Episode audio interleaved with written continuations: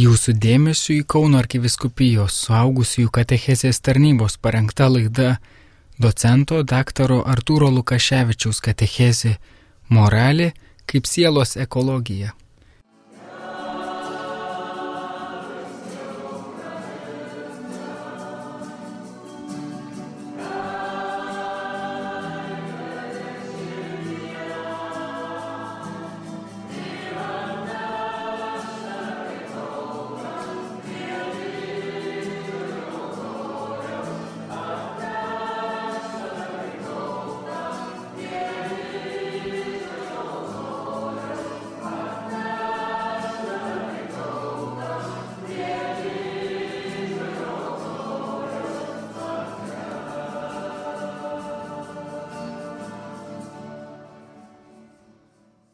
Žvelgiame į krikščioniškąją moralę.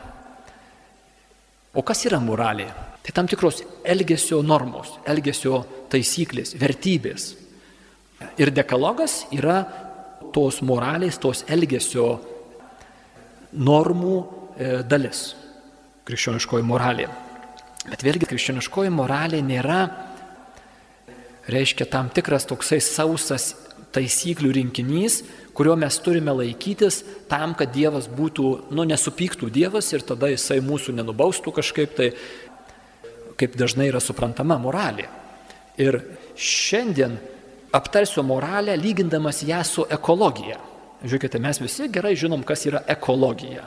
Daug šnekam apie ekologiją paskutiniais metais ir net dešimtmečiais. Tai štai lyginsiu moralę ir kviesiu pažvelgti į moralę kaip į sielos ekologiją arba į sielos higieną. Sielos ekologiją arba higieną. Taigi daugybė žmonių susirūpino paskutiniais metais ir dešimtmečiais net ekologinėmis problemomis ir sveika gyvensena, sveika mytyba. Tikrai matom aplinkui daug žmonių į ekologinį turgų eina, perkas brangesnį maistą, kad jisai būtų sveikas. Ką tai reiškia? Tai reiškia, kad gamta ir žmogaus kūnas kaip gamtos dalis turi savo taisyklės, su kuriomis mes e, turėtume skaitytis. Yra tam tikros taisyklės, kurios nuo mūsų nepriklauso. Tos taisyklės mano kūno ir gamtos. Jeigu nesiskaitysime, galim tą daryti, bet tada pakenksime. Sau pakenksime visų pirma, aišku, ir tai gan, gamtai. Ir prisiminkite, su ekologija pradėjom daug šnekėti visai netaip jau seniai. O, o prisiminkite, va, prieš 40-50 metų iš filmų, iš knygų, tuos drąsius sovietinius projektus. Simenat, reiškia, miškus iškirsim, nu ne visus, aišku, bet kažką tai.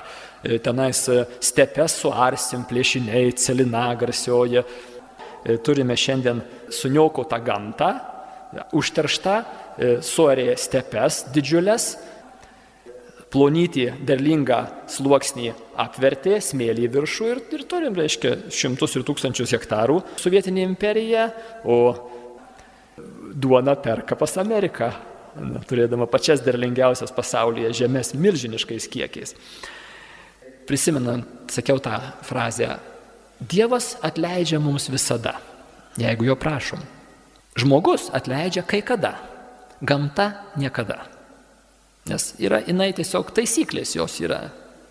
Padarysi jai žalą, jinai nu, nesakys, nu gerai, šį kartą atleidžiu. Ne, reiškia, jinai, jinai sureaguoja visą laiką taip, kaip tu jai, ją kreipiesi. Lygiai taip pat ir žmogaus siela turi savo taisyklės. Jeigu jų nesilaikysime, turėsime sielos problemų. Prisiminkite, siela, graikiškas žodis yra psichė. Turėsime psichės problemų jeigu nesilaikėsime sielos ekologijos ar sielos hygienos. Ir vėlgi čia mūsų puikybė, senas gerai pažįstamas priešas ateina. Puikybės pilnas žmogus nori pats nustatyti taisyklės. Jis nenori, kad taisyklės nustatytų kažkas kitas. Jisai pats sprendžia, kas yra gera ir kas yra bloga. Ir pasiekmės ekologijos srityje, nesveikos gyvensenos srityje yra akivaizdžios ir žmogaus siela turi taisyklės, kurias ne mes nustatėme.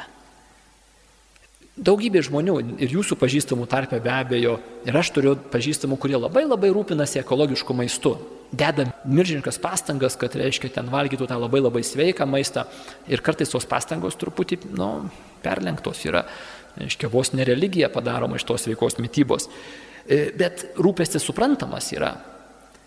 Tačiau sielos ekologija, ta sielos sveika gyvensena yra nemažiau svarbu, labiau svarbu. Kūnas yra svarbus, reikalingas, turime jų rūpintis, bet vis dėlto sielos ekologija yra nemažiau. Ir štai kas, kas ta krikščioniškoji moralė.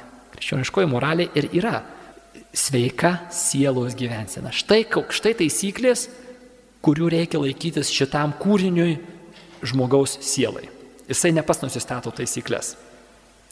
O žmonės kartais sako, bet dabar visi taip daro.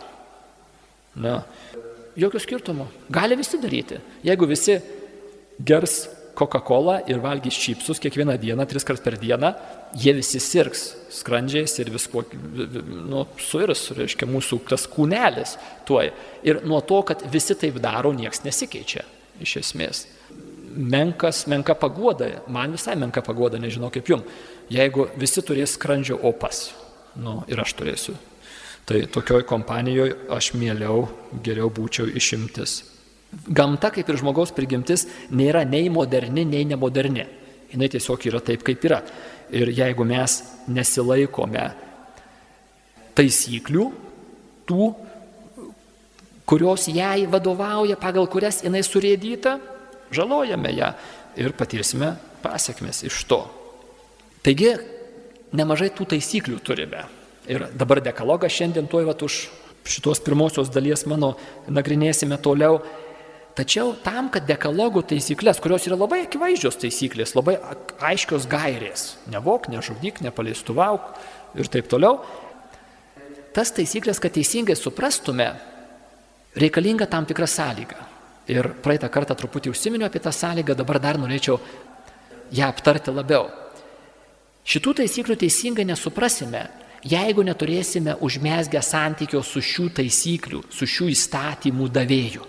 Be šito santykio su įstatymų davėju, tų įstatymų mes teisingai nesuprasime. Šias nuorodas teisingai supras ir priims tik žmogus, kuris turi asmeninį ryšį su tas nuorodas davusiu sielos gydytoju. Žmogus, kuris neturi tikėjimo ir pasitikėjimo ryšio su Dievu, dekalogą ir bendrai moralę prims ne kaip nuorodas savo sielos sveikatai ir laimingumui, bet kaip kažką tai kitą. Sielą palyginkime su darže augančiu žirniu. Žirnis, visi žinom, kas yra žirnis. Žirnis turi rasti, kas nukreiptų jį viršų. Aiškiai, jisai turi ar tai lasdą, ar tai kokį šniūrą nuleistą, jam reikia. Kažkas tai jį turi nukreipti į viršų. E, už ko jisai galėtų kabintis ir lipti į viršų. Panašiai ir sielai. Reikia jai rasti, už ko jinai galėtų kabintis ir lipti į viršų.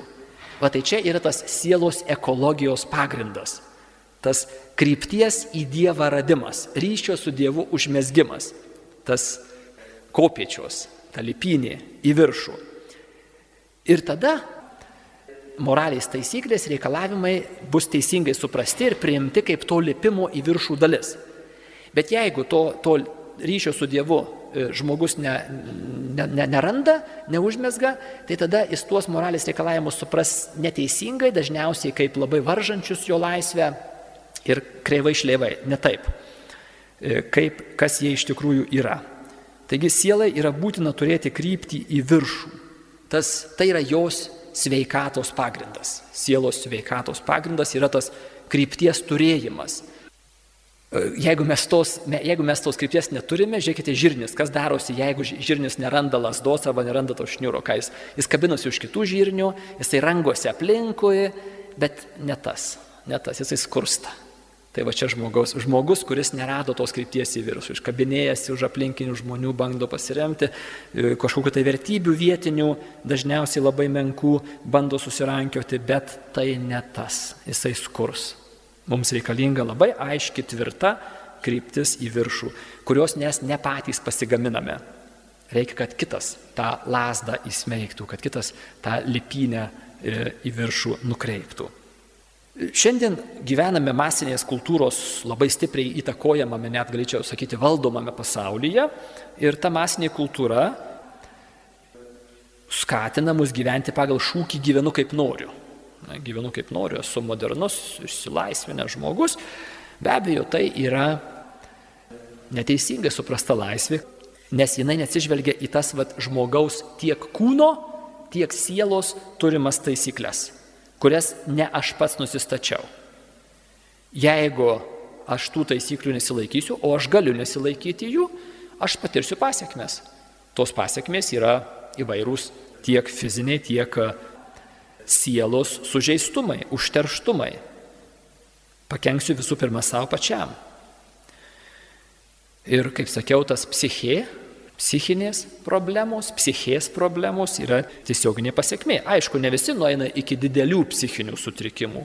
Nemažai nueina, šiandien tikrai turim epidemiją ir, ir dabar, kadangi dirbu švietimo sistemoje, mokytojai sako, per paskutinius kelias metus vaikų turinčių elgesio sutrikimų skaičius auga katastrofiškai. Aiškiai, mes anksčiau neturėjome tiek vaikų klasėse. Šiandien dienai tiesiog vos ne kiekvienoje klasėje po kelis vaikus yra su rimtais elgesio sutrikimais, ko nebuvo prieš penkis arba dešimt metų. Tikrai labai problema ryški. Bet netgi jeigu ir nenueinama iki tokių rimtų problemų, tokie dalykai kaip gyvenimo tuštumo jausmas, prasmės nebuvimas gyvenime yra aiškiai jaučiami masiškai. Mas, tiesiog žmonių masės turi šitos e, savo gyvenimo problemas. Tai yra atitrūkimo, to vidinio atitrūkimo nuo visumos požymis. Žmogus neturi, reiškia, sąsajos, prarado sąsają su visuma, prarado savo gyvenimo orientacijas, kompasas išsiderino. Ir jisai taip plaukia, tai šoka čia, tai šoka čia, reiškia, ir jaučia, kad kažkas, kad nėra krypties, nėra įėjimo. Tačiau vis dėlto moralės galutinis tikslas nėra sveikata. Moralės, krikščioniškosios moralės arba sielos ekologijos galutinis tikslas nėra sveika siela. O kas yra? Yra šventumas. Yra, yra daugiau. Yra peržengimas e, sveikatos. E, sveikata bus, jinai bus, bet jinai bus kaip, kaip sakant, gal šalutinis produktas. Kai tu stengsiesi gyventi su Dievu, tai net nejučiom sveikata gerės, netgi fiziškai jinai gerės. Tačiau jeigu tu e, savo krikščioniškumą nukreipsi į savo sveikatą kaip pagrindinį tikslą, ar tai fizinę sveikatą, ar tai psichinę sveikatą, nesigaus. Nes yra dalykų pasaulyje, kurių negauname jų siekdami tiesiogiai. Esat pastebėję. Aiškia, yra ir netgi, sakyčiau, turbūt svarbiausi dalykai pasaulyje yra pasiekiami tik siekiant jų, net, reiškia, jų nesiekiant. Ir ko gero laimė yra tas dalykas. Reiškia, mes turėsim nustot galvot, aišku, palaipsniui, iš karto gali nesigauti, apie savo laimę, siekti kito laimės. Ir tai bus e, nejučiom pasiekiama savo e, paties laimė. Sielos ekologijos tikslas yra eiti toliau. Ir į kągi eiti? Yra tikslas eiti į meilę, į aktyvę, du, save dovanojančią meilę artimui, kuri kyla iš meilės Dievui. Iš meilė Dievui įsireiškia per meilę artimui. Štai čia yra, kur mano analogija su ekologija e, baigėsi, užlūšta. Nes krikščioniškosios moralės tikslas yra nesustoti ties savo sveikatinimu, bet eiti toliau. Tačiau sveikatinimas yra reikalo dalis. Ir, ir kaip jūsų dėmesį specialiai tam šiandien turime daugybę sielos problemų. Tiek mūsų visuomenė, tiek atskiri asmenys labai sutrikusios sielos esame. Gyvenimo beprasmybės ir panašus dalykai, nekalbant apie priklausomybės ir, ir savižudybių tragedijas, panašus dalykai, reiškia, rodo sutrikimus e, sieloje. Prie Sinajaus kalno Dievas duoda tas pagrindinės taisyklės žmogaus sielos ekologijos pagrindinės gairės. Štai žmogau, jei nori, kad tavo siela būtų sveika, mylėk viešpatį savo Dievą visa širdimi, visa siela, visu protu, visomis jėgomis. Ir tada įsiskleidžia dešimt tų dešimt žodžių, dešimt Dievo įsakymų. Tai dabar norėčiau eiti toliau su jumis per dekalogą ir e, savo rankose laikote išrašytą dešimt Dievo įsakymų, taip kaip turime juos šventajame rašte ir tada kaip juos turime sutrumpintą formą, įprastą katechetinę e, formą. Dešimt Dievo įsakymų. Praeitą kartą trumpai perbėgo per pirmuosius tris ir galbūt reikės dar e, grįžti, bet šiandien noriu eiti į likusius septynis ir iš likusių septynių paimsime penkis. Paliksime sekančiam kartui šeštai ir devintai, kuris yra, yra ypatingos svarbos, ypatingo dėmesio reikalingi įsakymai, o šiandien paimkime visus likusius e, be šeštojo ir devintojo įsakymų. Taigi ketvirtas įsakymas dekalogo - gerb savo tėvą ir motiną. Ir skaitinyje, kurį šiandien girdėjote, buvo priedas, prierašas prie, šito, e, prie šitos frazės. Gerbsi savo tėvą ir motiną, kad ilgai ir laimingai gyventumai. Štai, mėlyjei. Sielos ekologija, sielos hygiena. Gerbti tėvą ir motiną, kad pats būtum sveikas. Ir čia baisiai svarbus dalykas ir šiandieniniai psichologai ir psichiatrai labai stipriai dirba su tuo. Daugybė sutrikimų kyla iš to, kad yra vairiausios bėdos santykė su tėvais, su tais, kurie mums duoda gyvenimą, fizinį gyvenimą. Taigi, gerbti savo tėvus, e, būti jiems dėkingiems, atleisti jų silpnumus ir nuodėmės, kitaip negali būti, ir nusidėlė, ir nuodėmių bus. Tai mūsų laikysena turi būti, tai yra sielos labai labai, labai sveikatinanti sielą laikysena. Tačiau labai svarbu dabar, o ką daryti, jeigu tėvai yra labai nuskriaudę savo vaiką, labai didelę žalą jiems padarę, priklausomybių kankinamo šeimoje aukti yra labai žalojanti patirtis. Kartais tėvai padaro baisių dalykų savo vaikams. Kaip tokiam žmogui, ar jam šis įsakymas irgi galioja? Ir atsakymas yra taip, jam irgi galioja. Gerbti nereiškia sakyti, viskas buvo labai labai gerai. Gerbti nereiškia sakyti, reiškia, mm, kaip sakant, pataikauti ir šnekėti dalykus, kurie netitinka tikrovės. Ne. Gerbti reiškia pripažinti, kad mažų mažiausiai aš turiu būti tėvams dėkingas už tai, kad esu gyvas. Jeigu ne jie, manęs paprasčiausiai čia nebūtų. Ir gyventi yra didžiulis gėris. Gyventi reiškia būti pakviestam į dangų ir jau dabar, tiek kiek sugebu gyventi su Dievu, patirti to dangaus. Tai štai tėvai prie to esmiškai prisidėjo, kad aš esu gyvas ir, ir sveikas ir nepadarė aborto ir, ir, reiškia, ir saugojo, kaip, kaip sugebėjo. Taigi, gerbti nereiškia neikti blogus dalykus, kurie buvo, yra įvykę, bet stengtis tuos blogus dalykus kiek įmanoma. Ir tada reikia Dievo pagalbos prašyti. Suprasti ir atleisti. Va čia yra e, tas sielos ekologijos labai svarbi dalis.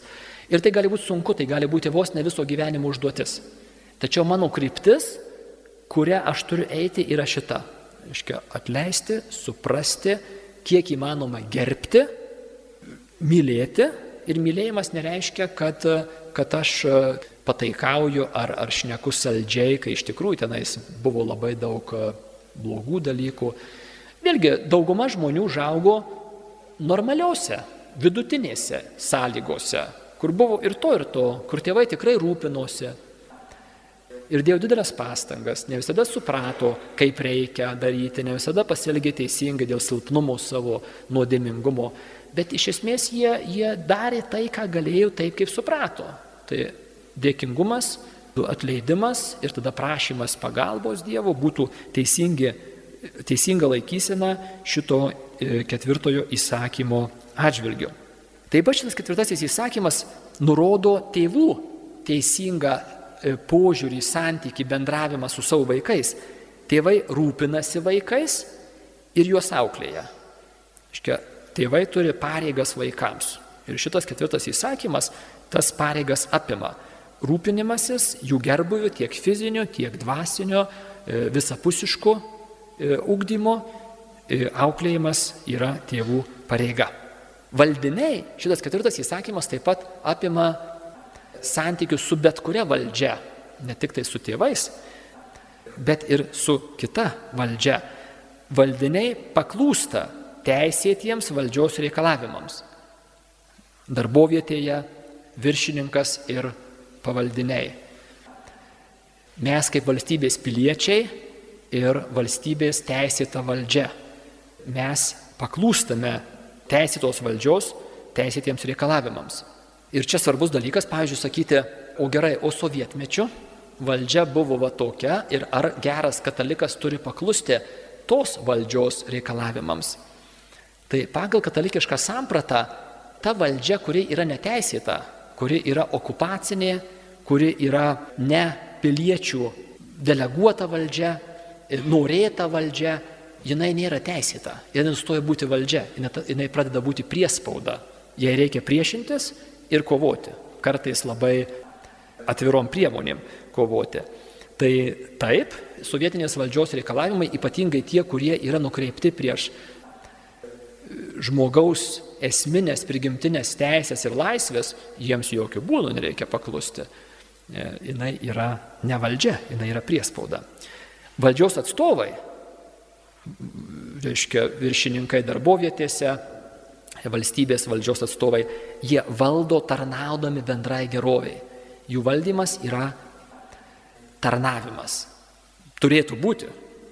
Kadangi esame nusidėjėlė, tai dažnai to nedarom. Ir tai yra bėda. Bet kryptis štai tokia. Tai turi būti tarnavimas, rūpestis, gerovė tų žmonių, kurie yra mano, e, man patikėti į valdžią. Štai ketvirtojo įsakymo irgi ribose tai yra. Penktas įsakymas - nežudyk. Visų pirma, tai yra pagarba žmogaus gyvybei ir taip pat žmogaus orumui. Šitas įsakymas tai reglamentuoja. Kadangi žmogaus gyvybė priklauso nuo Dievo, mes nesam gyvybės šeimininkai. Todėl niekas negali nužudyti nekaltą žmogų. Gyvybė nėra mūsų valdžioje. Mes esame jos nuomininkai. Mums yra jinai duota, teisinga ją naudotis, bet nėra mums atiduota, kaip mes norime su ją elgtis. Nei kitų žmonių gyvybė, nei mūsų pačių gyvybė nėra mūsų nusavybė. Negalime su ją elgtis, kaip šauna mums į galvą. Turime elgtis taip, kaip reikalauja jos prigimtis, tai, kas jinai yra. Dievo didžiulė dovana. Pasakiau frazę, gal atkreipė dėmesį, niekas negali nužudyti nekaltą žmogų. Ar gali būti atveju, kur, kur galima nužudyti žmogų? Taip, gali būti, tai yra vadinamoji būtinoji gintis. Būtinoji gintis. Jeigu nėra kito būdo sustabdyti užpuoliką, ar tai būtų koks nors e, teroristas, ar, ar, ar žudikas, ar koks maniakas, karo labai retais atvejais, kai nėra kito būdo, tada būtinoji gintis yra galima ir netgi kai kuriais atvejais pareiga. Jeigu prisimenat, prieš jau nemažai metų buvo tokia tragedija Latvijoje, aišku, dabar kartuojasi gana dažnai kitose šalyse, jungtinėse valstijose ypač, bet Latvija prieš keletą metų kažkaip man labai įstrigo atminti. Žmogus vaikų darželį su kirviu įpuolė ir sukapojo daug vaikų. Tai va tuo, tuo atveju, ką daryti krikščioniui, jeigu jis turi pistoletą, jis turi nušauti tą žmogų. Jeigu tai vyksta, nėra kito būdo sustabdyti. E, aišku, jeigu galiu šaunu taip, kad, kad liktų gyvas, bet jeigu atsitiktų, kad nušausiu, tai tada nėra pažeistas šitas nusikaltimo šitam įsakymui. Būtinoji gintis nepažeidžia įsakymo nežudyk. Kokiegi yra nusižengimai šiam įsakymui? Prieš gyvybę, tai būtų tyčinė žmogžudystė, savižudybė, nesam savo gyvybės šeimininkai, abortas, iščiose esančio kūdikio nužudimas, eutanazija, tai yra ar tai seno, ar tai lygoto žmogaus gyvybės nutraukimas, kaip turint tikslu nutraukti tą gyvybę, tai būtų tiesiogiai nusižengimai prieš šį įsakymą. Penktąjį. Taip pat šitas įsakymas gina ir žmogaus orumą, ir žmogaus integralumą ir ne tik tai fizinėje plotmėje, bet ir dvasinėje plotmėje. Taigi tokie dalykai kaip sveikatos griovimas per neatsargumą arba nesaikingumą vartojant valgy ar gėrimą, priklausomybės yra prieš šį įsakymą, kankinimas žmogaus, terorizmas, papiktinimas. Pagalvokite žodis papiktinimas. Turbūt žinomas žodis yra, bet kas jisai yra? Benas Ulevičius sako, papiktinimas tai yra pastumėjimas kito tapti panašesniu į piktąją dvasę. Padarimas jo panašesniu link į tą į, į gana baisę pusę. Kas tai yra? Tai yra žodžiu arba veiksmu, arba nieko nedarimu pastumėjimas kito link blogio, kokio nors blogio. Ir tuo didesnis papiktinimas, kuo mažesnį žmogų didesnis žmogus papiktina. Didesnis autoritetas turi didesnę įtaką. Ir mažą vaiką, tėtis, mama, mokytojas gali stipriau papiktinti negu jo bendramžis. Jeigu mažas vaikas, nu, ar mažas ar nemažas vaikas gatvėje savo bendramžių būryje išgirsta kitą vaiką keikiantis, tai yra blogai, tai yra blogas pavyzdys.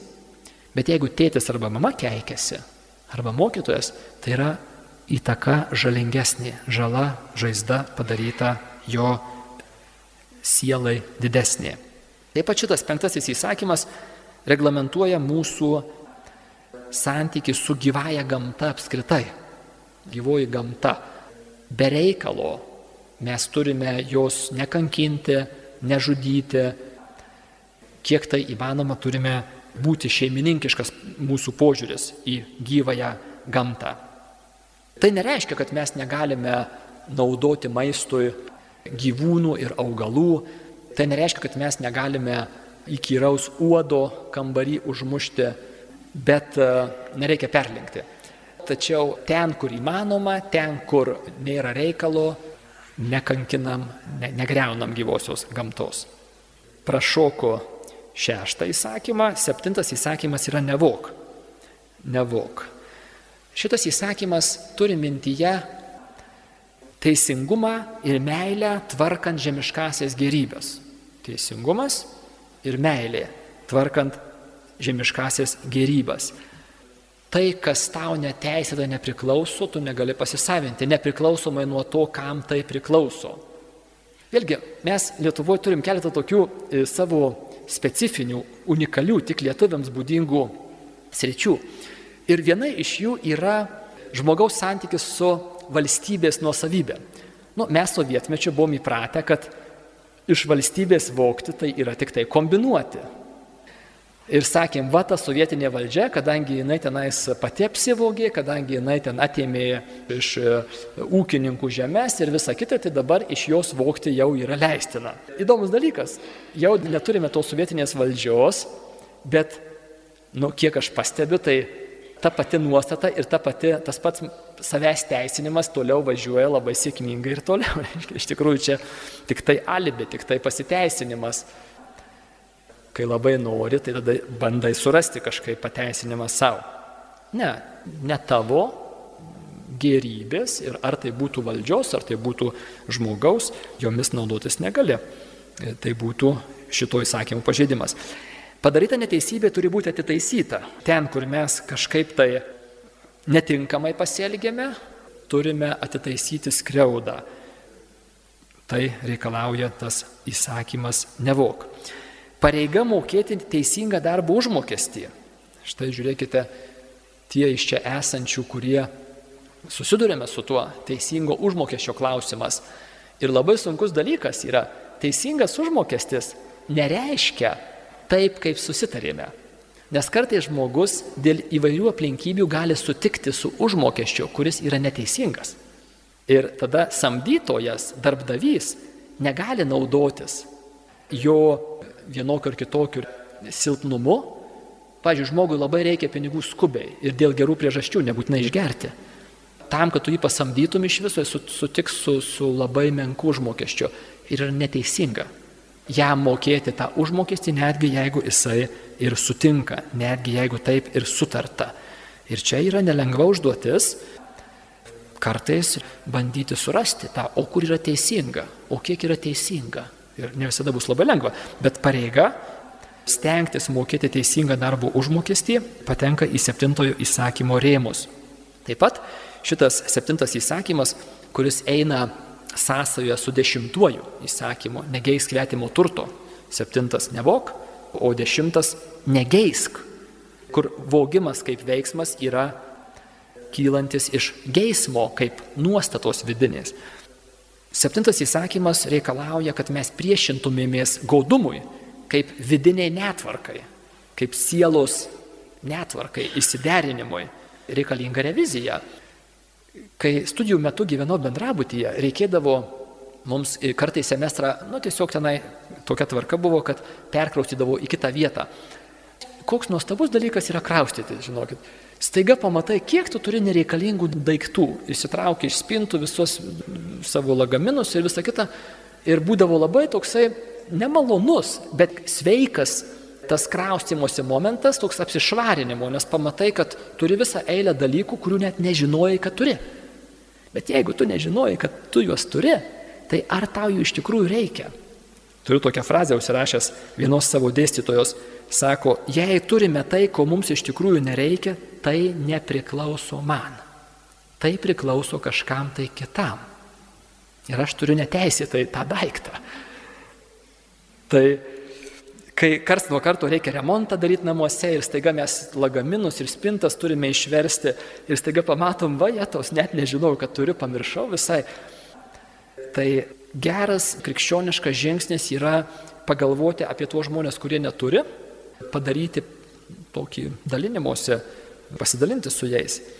Taip pat šitas įsakymas septintasis nevok apima pareigą gražinti skolas, atiduoti rastus daiktus, atlyginti skriaudą tyčia ar netyčia padarytą. Patenka čia.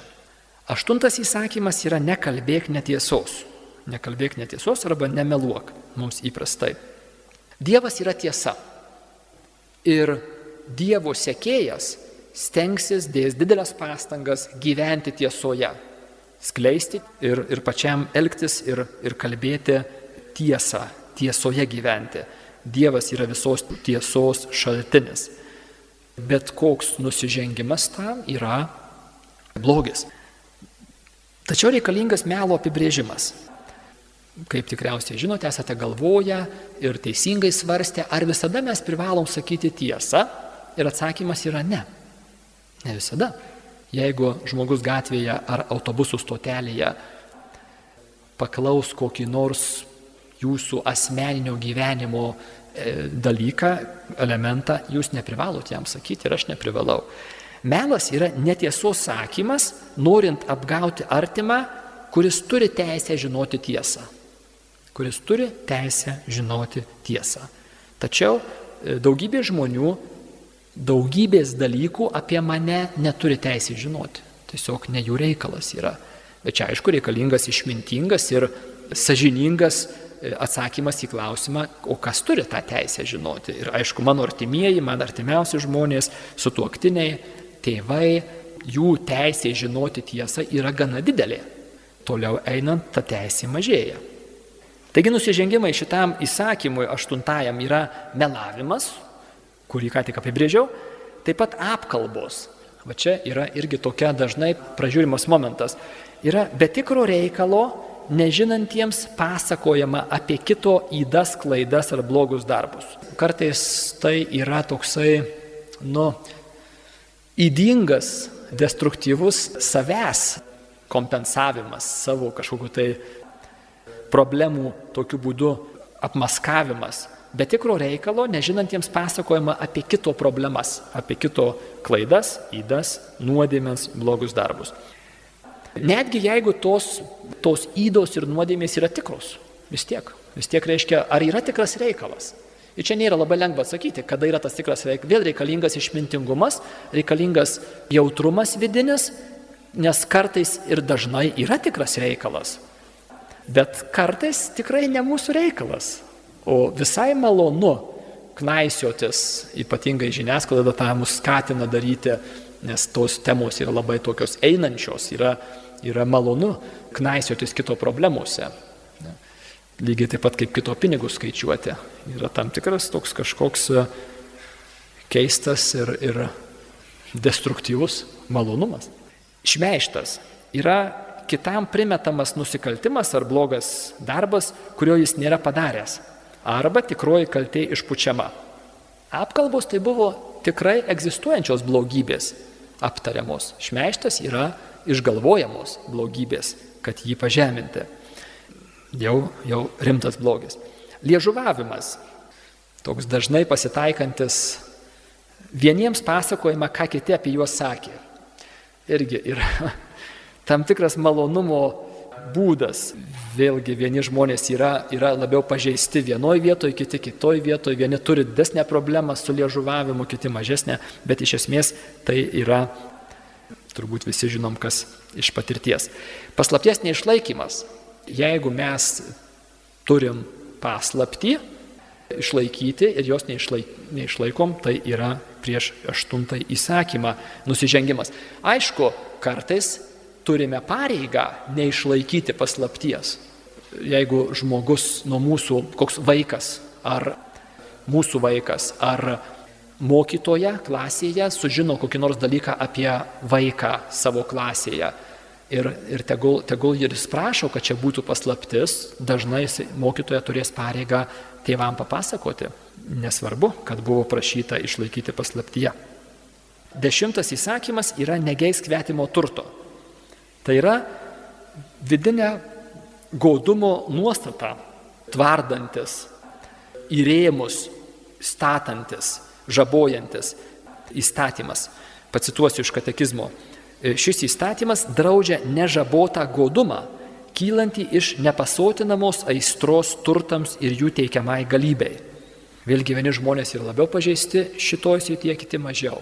Tačiau tas turto vilionė, turto aistra turtui yra mums iš esmės kaip puolusiems kūriniams būdinga. Pavydas yra į šitą įsakymą patenkantis jo ribas. Pavydas yra liūdėsys dėl kito turtinės sėkmės. Turtui kitam sekasi ir man dėl to liūdna, pikta, kodėl jam sekasi. Pavydo nugalėjimas yra labai svarbus vidinio sveikatingumo, žengimo tolyn, išsilaisvinimo iš tų įvairiausių susinarpliojimų savo ožiukuose ir priklausomybėse žingsnis. Neprisirišimas prie turtų. Turtas yra geras dalykas. Tai krikščioniškų požiūrių tai nėra blogai. Tačiau blogai yra neteisinga nuostata į turtą, prisirišimo nuostata. Tikėjimasis turte rasti tai, ko jie negali duoti galutinį saugumą ir laimę. Ir kadangi turtas padaro mums prieinamos žemės gerybės, tai tiek, kiek aš tikiuosi būti laimingas per žemės gerybių vartojimą, tiek turtas į mane turi didžiulę tokią apeliaciją, didžiulę pančiuojančią, surišančią jėgą man. Taigi, nusistatymas, nuostata, kad žemė, žemės gerybės yra geros, bet jos nepadarys manęs laimingo. Čia yra išsilaisvinimo iš prisirišimo prie turtų pagrindas. Turėti nėra blogai. Turim būti budrus, kad tai mūsų nesupančiotų. Ir, ir iš kitos pusės žinokime, kad labai dažnai save linkę esame apgaudinėti, kaip puolę žmonės, mes dažnai save įtikinėsime, kad nesam prisirišę. Tačiau Dievas iš savo galestingumo kars nuo karto iš mūsų ką nors atims. Va, ir tada pagal tai, kaip mes skausmingai ar ramiai reaguojame į tai, išryškės mūsų sielos būklė šitoje situacijoje, kaip tas prisirišimas prie turto man yra pavojingas. Ačiū uždėmesi.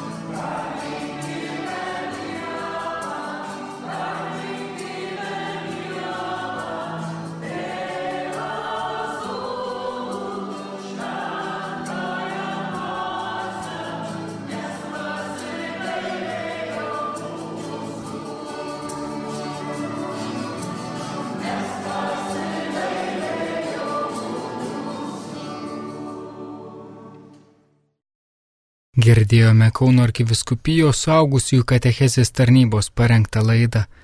Docento dr. Artūro Lukaševičiaus pranešimas Moralė kaip sielos ekologija.